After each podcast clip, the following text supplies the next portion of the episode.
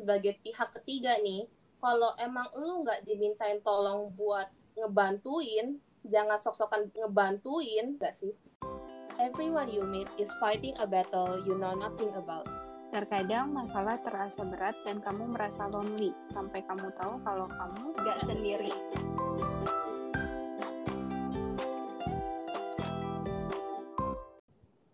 Kes, Hmm, menurut lu kepo itu tuh sebuah tindakan yang gimana sih? Kayak menurut gua di satu sisi gua kadang ngerasa kepo itu tuh kayak tindakan manusiawi, sesuatu yang normal yang kayak semua manusia itu pasti punya lah gitu sifat-sifat kepo ini kan. Karena gimana pun juga kayak kita tuh tipe makhluk yang sangat penasaran dengan segala hal. Makanya itu kita kayak belajar-belajar. Tapi kan menurut lo kepo itu ada juga yang nyebelin. Nah kalau menurut lo gimana Kalau gue sih sejujurnya, gue jarang nganggep orang tuh kepo.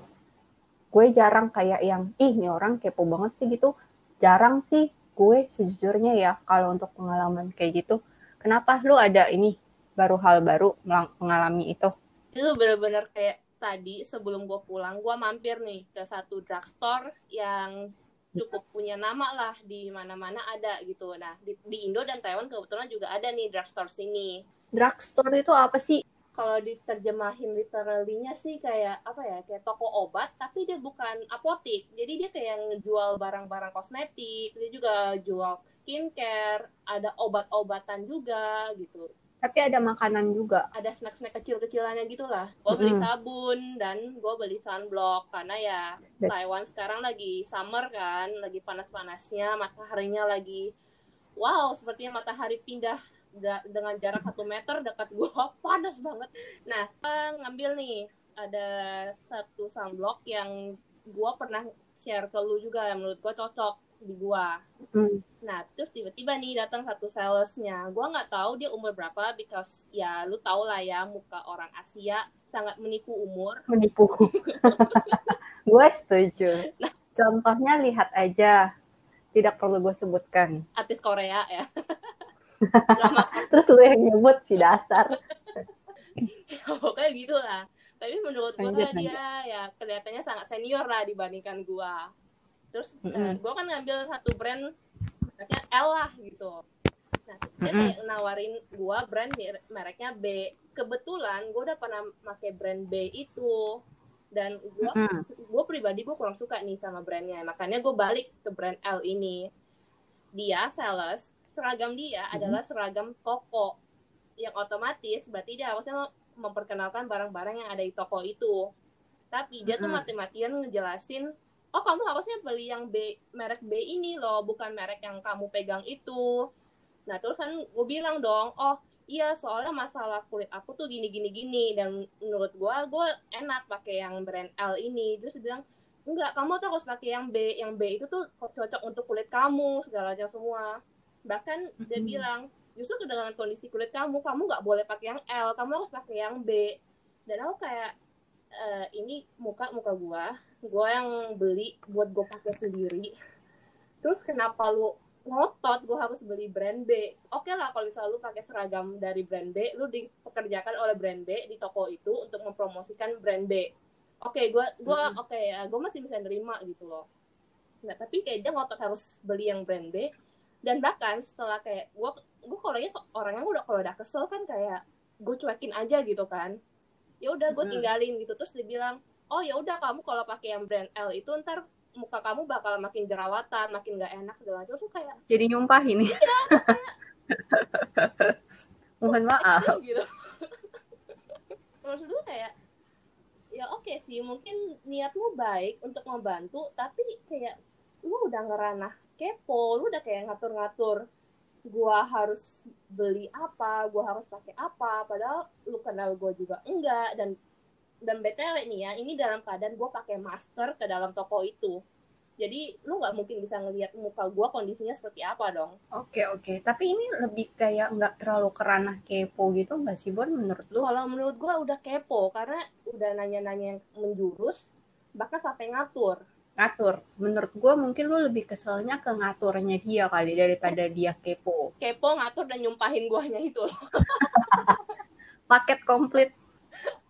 blacklist drugstore-nya nggak ke sana lagi. enggak drugstore gue oke gue malah gue membership di situ Oh iya deh, gue membership. nggak suka salesnya terus lu kayak ya lu kerja oke gue menghargai pekerjaan lu gitu loh tapi harus banget kan lu kayak ngepoin kondisi kulit gue gimana gitu sampai kayak ngatur-ngatur gue harus belanja barang yang lu suka gitu loh Hmm, berarti dia kayak nge-push lu buat uh, apa namanya? Gue suka yang ini, lo harus suka yang ini gitu ya. iya menurut gue ya kayak too much gitu loh Too much sih. Menurut gue mungkin terlalu too much buat nge-persuade elunya terlalu too much. iya Gue mengalami hal yang sama kok, Bon. Kalau soal nge-persuade kayak gitu. Dalam hari ini gue udah sekitar uh, tiga kali kayaknya ada yang nelponin gue, nawarin kartu kredit. Sampai akhirnya gue nggak mau banyak debat, gue airplane mode aja handphone gue. Biar aman, tentram, nyaman.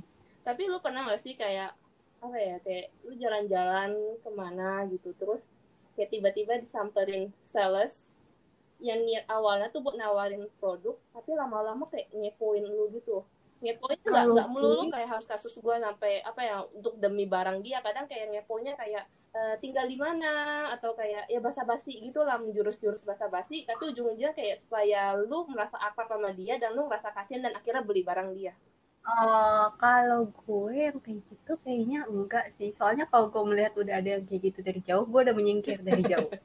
kayak apa namanya mengeluarkan aura unapproachable gitu. Jadi jangan deket-deket gue. Tapi ada hal yang lucu sih, Hmm. Won. Ada gue sempat ketemu kayak gitu. Dan itu menurut gue lucu, bukan kepo gitu sih. Jadi kita, gue kebetulan lagi jalan sama sama cowok gue Hmm. gitu kan di mall gitu lah. Terus habis itu ya yang kayak lu bilang tadi ada disamperin sama sales gitu kan eh ini dulu dong gini-gini nawarin produknya lah gitu kan terus habis itu dia udah nawarin cowok gue bilang oh enggak mas saya udah ada gitu kan. Terus habis itu masih dengan cepet nyeletuk ceweknya udah ada belum? Terus dia kayak yang udah ada juga dong kayak gitu. Dari gue nya tuh gue agak shocknya tuh kayak dia langsung kayak ceweknya udah ada belum? Kayak gitu gitu loh Bon. Kayak lu kan nggak tahu tapi lu main nembak aja gitu loh. Itu menurut gue nggak kepo tapi kayak kocak aja lu on the spot banget gitu. Iya, demi tujuan yang sama supaya lu beli barang mereka gitu kan. Iya, tapi itu kocak sih menurut gue. Ini kan dalam konteksnya kepo ya. Kalau misalnya kepo tuh menurut gue lebih ke kayak orang pengen tahu berlebihan gitu loh. Tapi gue nggak nyaman buat share hal tersebut. Itu menurut gue kepo. Jadi kayak misalnya nih, kan ada gue kan tadi bilang gue ada cowok gitu ya. Biasa misalnya kita ada ada cowok gitu atau Hmm. ada pacar. Itu kan anggota keluarga kita kepo nih. Nah ini gue nyebutnya kepo ya, bukan peduli, tapi nyebutnya kepo. Hmm. kayak yang ditanyain eh, kerja di mana lah cowoknya? Terus dulu kuliah di mana? Lah sekarang eh, apa namanya bapak maknya kerja apalah apa pokoknya semuanya ditanyain gitu loh.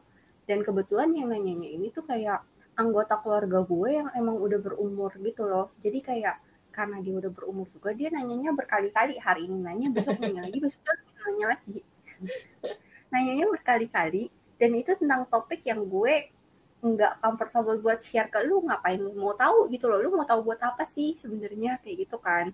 Jadi tuh itu menurut gue kepo. Itu bukan lu peduli tapi lu kayak ya mungkin karena uh, faktor umur juga sih nggak ada kerjaan yang harus dilakukan ya kalau misalnya dia nggak kepo dia mau ngapain gitu loh. Dia ngurusin anggota keluarga yang lain deh jadinya ngurusuhin gitu. Tapi itu mungkin gak sih kayak mereka tuh penasaran siapa sih calon mantu gitu loh, calon anggota baru. calon membership baru gitu ya ke keluarga kita. Tapi kan belum belum fix. Kalau misalnya dari gue udah yakin udah ini apa sih kan gue kenalin tanpa harus lu kepo-kepoin gue dong, bener gak sih? Hmm, Berarti standar kepo lu itu lebih ke kayak jenis pertanyaan yang dia tanya gitu ya? Standar kepo gue ya, iya kalau menurut gue iya. Untuk topik-topik tertentu tuh gue nggak suka nge-share gitu loh. Gue ya kayak salah satunya relationship gue atau mungkin kerjaan gue atau apa. Gue nggak terlalu suka share informasi tertentu karena menurut gue kayak lu nggak ada kepentingan buat tahu itu juga gitu kan dan lu nggak memenuhi standar buat tahu lah kurang lebih gitu memenuhi standar Oh, kalau menurut gua, gua masih oke kalau dengan pertanyaan-pertanyaan. Kalau cuma nanya doang nih ya basa-basi gituan. Tapi kalau sampai ngejurus kayak dia mulai ngatur-ngatur tentang hidup gue menurut gue itu udah enggak banget. Itu kayak kepo yang uh gitu. Gemes banget ya HL lah gitu. Iya apalagi kalau yang keponya gue ada cerita nih cerita mirip. Dia tuh kayak nanya-nanya soal anggota keluarga gue lah ini secara spesifik ngom, uh, dia nanya soal pendidikan adik gue gitu kan. Terus gue cerita lah adik gue lagi kuliah di mana jurusan apa gitu. Terus dia, ini yang nanya ini orang stranger atau gimana? Ya waktu itu kondisinya kayak gue baru ketemu dia berapa kali gitu loh. Kalau sekarang yang okay. udah lebih deket lah gitu. Tapi waktu itu dalam kondisi yang kita masih nggak terlalu deket banget dia sampai yang udah nanya-nanya gitu dia bilang loh jurusannya itu nggak bagus kok ademu kayak gitu segala macam. Semua dan kayak apa urusannya ya? Udah kepo ngejudge lagi iya. kok. aduh itu udah enggak banget gitu. Mulai mulai meninggi. Ngejudge lagi gitu kan. Iya. Tapi itu mungkin karena lu ketemu sama orang yang menurut lu lu belum deket jadi lu nggak nyaman untuk share informasi itu kali ya. Iya. Nah dan gue pernah cerita juga masalah ini ke orang lain ya juga hmm. orang terdekat gue sih terus dia hmm. bilang mungkin aja itu orang peduli sama gue dan adek gue nah tapi hmm. menurut gue peduli sama kepo itu dua hal yang berbeda. Dan ada garisnya gitu loh garis pembeda antara peduli dan kepo gitu. Kalau kepo menurut gua adalah lu nanya sesuka lu supaya menjawab rasa penasaran yang ada di lu gitu loh. Karena kalau peduli adalah lu nanya supaya lu tahu gimana caranya lu menawarkan bantuan kepada orang yang lu tanyain itu loh Oke, jadi kalau misalnya peduli itu kayak ada action realnya gitu ya? Iya, atau enggak ya apa ya ada intensi baiknya lah gitu loh. Uh, tapi kalau menurut gue ya kalau misalnya kayak kalau lu bilang nih orangnya udah beberapa kali ketemu terus nanya-nanya soal ini itu kalau gue sih kayak kalau informasi standar gitu sih kayak uh, dulu kuliah di mana ambil jurusan apa terus gimana gimana sempet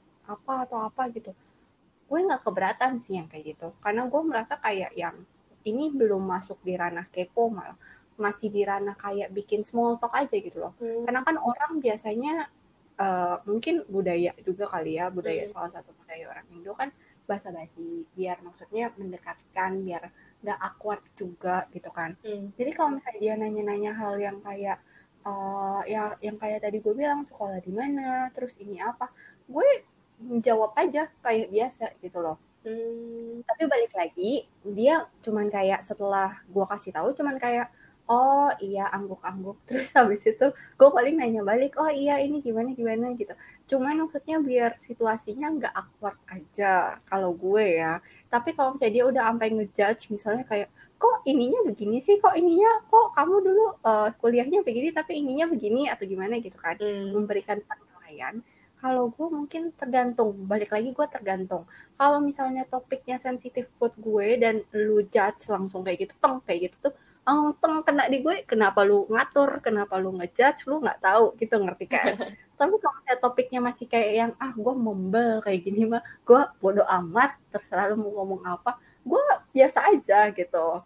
Jadi kayak yang nggak nggak termasuk level kepo, tapi masuk masuk di kayak small talk tapi yang masih oke okay lah pertanyaannya. Karena memang kita perlu untuk nanya-nanya kayak gitu untuk memulai percakapan mengenal seseorang gitu sih Bon. Kayak kalau lu kenalan sama orang kan nggak mungkin langsung ditanyain pertanyaan berat kayak gimana gitu kan enggak tapi lu pernah punya contoh nggak kayak small talk yang menurut lu kayak too much? Bukan small talk ini kepo gitu. Hmm small talk yang sampai too much ya? Kalau seri calling gue Nggak ada sih, karena gue merasa mungkin dari diri gue juga kali yang ngebawa dirinya. Gue bukan tipe orang yang ngebawa diri gue kayak open book gitu, kayak yang oh iya gimana ramah sampai kayak gimana tuh enggak. Jadi mungkin gue rasa orang juga nanya ke gue enggak nanya sampai yang cecer kayak gitu-gitu tuh enggak gitu.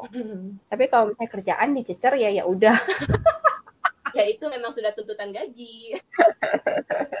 kalau itu gue pasrah kalau memang itu dicecer tapi kalau misalnya soal yang lain sih enggak sih oke okay. tadi sampai mana kita bon udah oh, udah ingatan gue Oke, okay. nah itu kan tadi lu bilang yang kepo oke okay, berarti dia peduli gitu kan, ada actionnya. Lu ada cerita soal kayak gitu nggak misalnya? Kepo oke okay, yang peduli ya? Eh, lu masih inget gak sih kayaknya kurang lebih empat tahun yang lalu kita pernah sekali perang dingin. Mm-mm. udah kayak Winter Soldier. Kita perangnya perang dingin. Nggak perang jambak-jambakan nggak perang ngomel-ngomelan. Perangnya perang dingin. Iya. nggak ngomong. Nggak ngomong sama sekali blocking physical distancing at its best. Jadi pernah sekali tuh kita berantem. Saat itu tuh momen-momen menjelang gua pulang balik Indo untuk liburan. Dan Mm-mm. dan setiap kali gua balik liburan kita tuh pasti harus ketemuan minimal sekali gitu kan.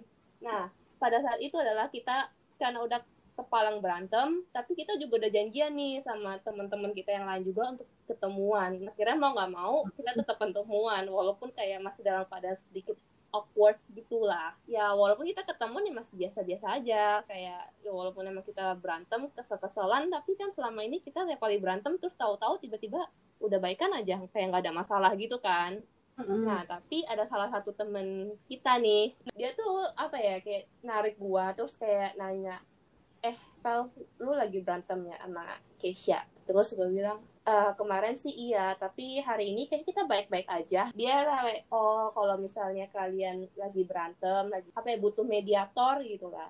Dia bilang dia mau bantuin gitu, tapi kalau ternyata kita udah baik kan ya syukur lah, nggak ada masalah lagi gitu. Walaupun dia dalam ranah kepo, maksudnya tiba-tiba masuk ke dalam urusan kita berdua gitu. Tapi ya menurut gua ini oke sih, karena tujuan dia ngepoin soal kita berantem atau enggaknya kan untuk ngebantuin kita dalam kondisi kalau misalnya kita masih berantem gitu. Kalau berarti dia mau jadi mediator gitu ya maksud lu ya iya, Oh oke, gara-gara lu ngomong soal mediator nih. Hmm. Nah, yang gue inget dulu teman sekolahnya kita, Hmm. gue itu nggak ada angin nggak ada hujan, tiba-tiba tuh di chat. Gue lupa sih exactly-nya kayak gimana kata-katanya dia, tapi tuh dia kayak yang bahas soal relationship gue. Wow, hari ini banyak sekali ngomongin soal relationship gue. Disebut-sebut, padahal gue tidak nyaman mau ngomong kayak gitu. Banyak banget disebut guys, ah elah gitu kan. Nah ya udahlah intinya gitu. Dia kayak tiba-tiba nyeletuk, lu nggak mau balikan sama ini. Terus gue kayak yang, "Hmm, kenapa lu tiba-tiba ngomong kayak gitu gitu kan? Gue tanya. Gue masih berusaha kayak netral aja gitu loh. Karena pertama gue merasa gue lumayan deket sama dia. Gue yakin bahwa eh, yang dia tanyakan itu maksudnya peduli gitu kan. Dan topiknya itu masih oke lah. Walaupun gue memang seperti yang gue bilang, gue tidak nyaman membicarakan relationship gue ya. Cuman dia tiba-tiba ngomong, lu mau balikan sama ini gitu kan. Terus gue kayak yang, kenapa lu tanya begitu? Terus abis itu dia ngomong, iya soalnya sayang banget lu kapan lagi bisa nyari cowok kayak gini. Terus gue super shock gitu loh Bon. Karena mungkin yang gue tangkep adalah gue pakai inisial X aja untuk mantan gue. Jadi kayak si X-nya ini cerita nih sama temen kita ini. Terus abis itu dia mungkin ngerasa setelah dia mendengar dari sisinya dia gitu kan. Dia tuh ngerasa kayak yang gue jahat banget gitu loh. Ngerti kan? Karena kan ini relationship dua orang antara gue sama si X ini. Dan dia berusaha untuk berperan menjadi mediator, ngerti kan? Mm-mm. Tapi dia dengar ceritanya cuma dari satu sisi ya nggak sih?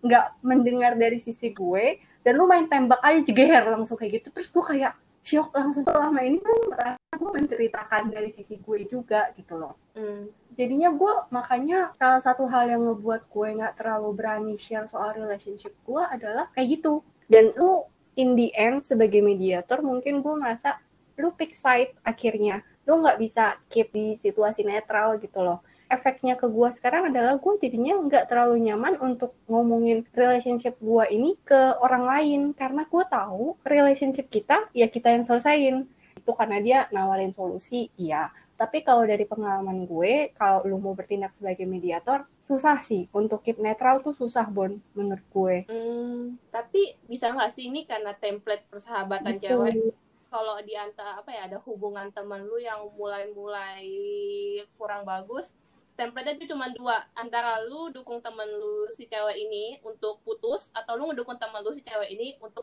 tetap bertahan dan kebetulan temen kita ini memilih untuk mendukung lu untuk tetap bertahan gitu. Tanpa dia tahu detailnya kayak gimana. Karena yang tadi lu cerita dia cuma dengar dari satu pihak doang kan. Dia nggak dengar dari sisi lu gitu. Tapi gue ini udah lupa ya gue ya. Ini kan udah cerita lama lah, udah cerita bertahun-tahun, berabad-abad yang lalu. Tapi gue merasa tuh gue cerita ke teman kita ini soal relationship gue kayak gimana. Dan dia waktu itu mungkin gue lupa ya sarannya dia kayak apa. Tapi gue rasa sih mungkin ada momen dia mensupport keputusan gue buat mengakhiri hubungan itu Hmm. tapi nggak tahu kenapa dia tiba-tiba kayak lagi jadi menurut gue kayak tergantung siapa yang cerita duluan kalau misalnya gue cerita duluan berarti mungkin dia dukung gue abis itu karena orang lain yang cerita jadi dia dukung orang lain itu Jadi kayak pada gitu. intinya Itu sih. adalah kalau masalah ini bukan masalah hidup lo, jangan ikut campur, jangan kepo. mungkin menurut gue bisa dibilang kayak gitu niat baiknya sebagai Hmm. mediator sih gue apresiasi ya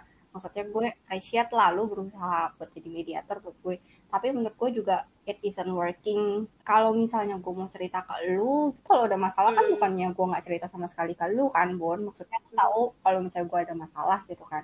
Tapi masalah itu gue cerita adalah setelah gue merasa gue stuck nih. Gue stuck karena gue nggak bisa komunikasi masalah ini gitu kan. Gue perlu pemikiran orang lain buat menyelesaikan Hmm. masalahnya makanya gue cerita gitu kan. Tapi gue juga berusaha mungkin ya ke depannya kalau kita cerita kalau misalnya nih lu temen gue gue berantem sama orang lain lu pasti dukung gue gak sih? Kan lu temen gue lu nggak mungkin dukung dia. Dan karena lu dengernya dari sisi gue ya lu pasti menganggap gue yang Uh-uh. benar ya gak sih? Lu pasti belain gue ya kan? Iya kayak gitu jadi pihak lain mungkin bisa ngebantu pada akhirnya kalau lu ribut sama orang lain ya lu selesai sama orang itu gitu boleh minta pendapat ketiga tapi ya kayak cuman ya saran lah gitu dan make sure kalau orang itu tuh Hmm. lu bisa percaya Dan sarannya kalau gitu. menurut gua sih karena sebagai pihak ketiga nih, kalau emang lu nggak dimintain tolong buat ngebantuin, jangan sok-sokan ngebantuin, gak sih? bener juga sih aku setuju sih sama statement Nah, itu karena bener sih Gua pernah baca nih bukunya dari Hainem Sunim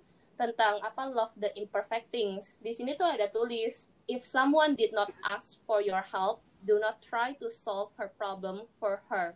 Though your intention may be good, you risk taking control away from her and injuring her self-esteem. Dan kata lain jangan kepo. gue baru mau minta lu tolong di translate dalam bahasa simpelnya gitu kan. Tapi gue suka sih quotesnya kayak gitu. Nanti boleh nih di share setelah ini. Iya kita Kita bakal share quotes ini di Instagram kita at podcast nggak sendiri. promosi tiba-tiba pilih langsung Aku ada celah gua. buat promosi langsung gas gitu ya bagus. Smooth misalnya nih ya biar gimana pun juga kan kita hidup di dunia dipenuhi manusia-manusia yang penasaran. Kadang penasarannya kelewatan sampai ranah kepo Mm-mm. kadang penasarannya masih oke. Kalau lu ada nggak sih kayak cara lu banget untuk ngadepin orang-orang kepo atau pertanyaan-pertanyaan yang lu benar-benar nggak suka menurut lu ini udah kepo yang parah banget? Kayak yang tadi gue bilang di awal gue jarang merasa ada manusia yang kepo. Mungkin salah satunya itu karena gue itu tipenya nyaring orang dulu. Jadi ibarat kata misalnya kita kenalan kita tahu nama hangout ngobrol atau Hmm. apa cerita-cerita kayak gitu gitu kan. Gue mungkin akan kasih lu benefit of the doubt ya. Nah gue kayak kasih lu waktu misalnya dua bulan tiga bulan gue kenalin dulu nih diri lu kayak Sama apa tanpa judgement. Kayak yang ya ya udah gitu kan. Oh value-nya kayak gini. Mungkin value-nya dia bertentangan sama gue. Oh ya udah. Tapi in the end gue mungkin merasa gue ada kriteria sendiri buat orang-orang yang gue bisa anggap sebagai inner circle gue gitu loh. Kayak misalnya kalau tipenya kayak lo lo kan ibarat kata udah yang kayak udah ya udah gak usah ditanya lagi lah gitu kan. Udah ibarat kata kalau gue kasih fight level 7 lu tuh udah classified level 7 Bon. Jadi kita ya udah nyaman. Bahkan kadang gue mikir apa lu udah berpikir hal yang sama tanpa gue harus ngomong. Jadi gue agak serem-serem juga sih gitu ya. Tapi artinya kan gue nggak salah milih inner circle gue gitu. Bahwa orangnya itu sepemikiran sama gue mungkin value-nya sama sama gue sikapnya juga kurang lebih sama atau gimana gue mencari yang seperti itu buat jadi inner circle gue. Nah untuk orang-orang lain mungkin jadinya kayak gue Hmm. ada batasan gitu nggak sih? Jadi gue kayak yang untuk orang yang kayak gini mungkin gue nggak nyaman sama ininya daripada gue stay gitu kan maksudnya tetap baik atau gimana tapi gue exhausted capek gitu loh ngomong sama lu tuh draining energi gue. Gue harus tolerate lu buat kayak gini gini gini gini. Gue nggak bisa jadi lebih baik gue jaga jarak lebih kayak yang ke ya ya udah kadang-kadang aja ngobrol atau mungkin kadang-kadang aja ketemu nggak sampai yang intens kayak gimana. Dan jadinya kalau kayak gitu ya gue cerita ke dia pun hal-hal yang gak classified banget lah. Ibarat kata gue bahas soal mungkin kerjaan gue atau apa. Tapi kalau misalnya untuk hal-hal yang lebih uh, intimate buat gue ya gue share ke orang yang mungkin menurut gue lebih dekat ke gue kayak gitu. Jadi kayak gue ibarat kata kayak ada lapisan-lapisan manusia tertentu nih yang kayak gini tuh levelnya pasti level 7 yang kayak gini tuh ya levelnya segini aja lah nggak usah yang sampai deket-deket kayak gimana. Cukup tahu aja kayak gitu gitu. Makanya karena gue ngebatasi manusia-manusia ini jadinya tuh gue ngerasa kayak yang kalau yang di Hmm. inner circle gue kayak lu nanya gitu kan Kes lu gini-gini nggak? Gini gini gini gini gue kayak yang ya biasa aja gitu. Karena gue nggak menganggap itu kepo karena lu ibarat kata ya orangnya gue lah. Jadi gue kayak yang ya gue nggak masalah karena gue percaya sama lu gitu kan. Kayak gitu sih. Makanya gue nggak nggak merasa orang tuh kepo karena udah ada batasnya masing-masing dan gue udah batasin bahwa informasi yang gue bisa berikan ke lu tuh sejauh ini gitu loh. Jadi kalau misalnya lu melewatin limit itu ya berarti lu kepo. Tapi gue rasa nggak mungkin karena gue ada jaga jaraknya sama lu lu nggak mungkin berani nanya sampai kayak gitulah ke gue. Mungkin ya dari gue sih begitu kayak ngebentuk sistem sendiri lu di mana gue perantauan jadi temen-temen gue apalagi anak-anak Indonesia gue nggak bisa sepiki lu sih Kes karena gue kayak punya limit berapa orang yang bisa gue temuin di sini kan. Jadi mau nggak mau gue yang harus menerima segala jenis Mm-mm. orang di sekitar gue walaupun ada sifat yang gue nggak suka atau sifat kepo dia kebangetan buat gue ya gue harus bertahan dengan dia. Kalau udah kayak gitu gue cuma bisa bersikap bodoh amat gitu kayak lu nanya gue nggak suka dengan pertanyaan itu dan gue gak nyaman untuk jawab, either gue cuekin, gue ganti topik, atau ya gue kasih jawaban ngawang gitu. Berarti gue besok-besok bilang aja nggak tahu, nggak tahu nggak tahu eh, nggak tahu. Kes, tolong diterjemahin ke Mandarin biar gue bisa pakai di sini. Puce tahu puce tahu gue puce tahu itu bagus tuh. gitu. Kalau yang gue tangkep ya dari obrolan kita hari ini de, intinya adalah jadi orang jangan terlalu banyak coba ikut campur sama urusan orang lain gitu kan. Ya kalau misalnya lu diceritain ya lu dengerin aja lu kasih saran Hmm. sebisanya tapi habis itu ya udah gitu loh batas tuh cuma habis itu. Terus habis itu menurut gue lebih ke kayak yang mending fokus ngurusin masalah diri lu sendiri aja. Ibarat kata nih masalah masing-masing orang tuh udah banyak gitu kan. Jangan bantuin masalah orang lain fokusnya diri lu aja gitu jangan fokus ke orang lain. Kalau gue ya gue menganggap kayak yang pertahanan gue menghadapi orang-orang kayak gini adalah dengan gue menjaga jarak dengan beberapa orang dan kemudian cuman orang-orang tertentu doang. Tapi ya efeknya ke gue adalah gue punya teman tuh dikit. Kalau ibarat kata nih kalau misalnya gue kondangan nih gue mau undang orang paling 10 Hemat. cukup buat gue. Udah kebanyakan udah bingung undang siapa lagi? Gue gak ada temen tapi itu ya itu maksudnya hasil karena gue picky gitu kan gue picky sama orang gue maunya invest sama orang yang menurut gue ya bagus ya gue invest kalau enggak ya ngapain sih gitu loh Hmm. ngabisin waktu buat kayak gitu gitu Iya, dan kalau cara gue adalah gue ngelindungin diri gue dengan bersikap bodoh amat. Ya emang kita kan nggak bisa ngatur Hmm. hidup orang lain gitu ya. Seenggaknya kita bisa ngatur diri kita sendiri, hidup kita sendiri.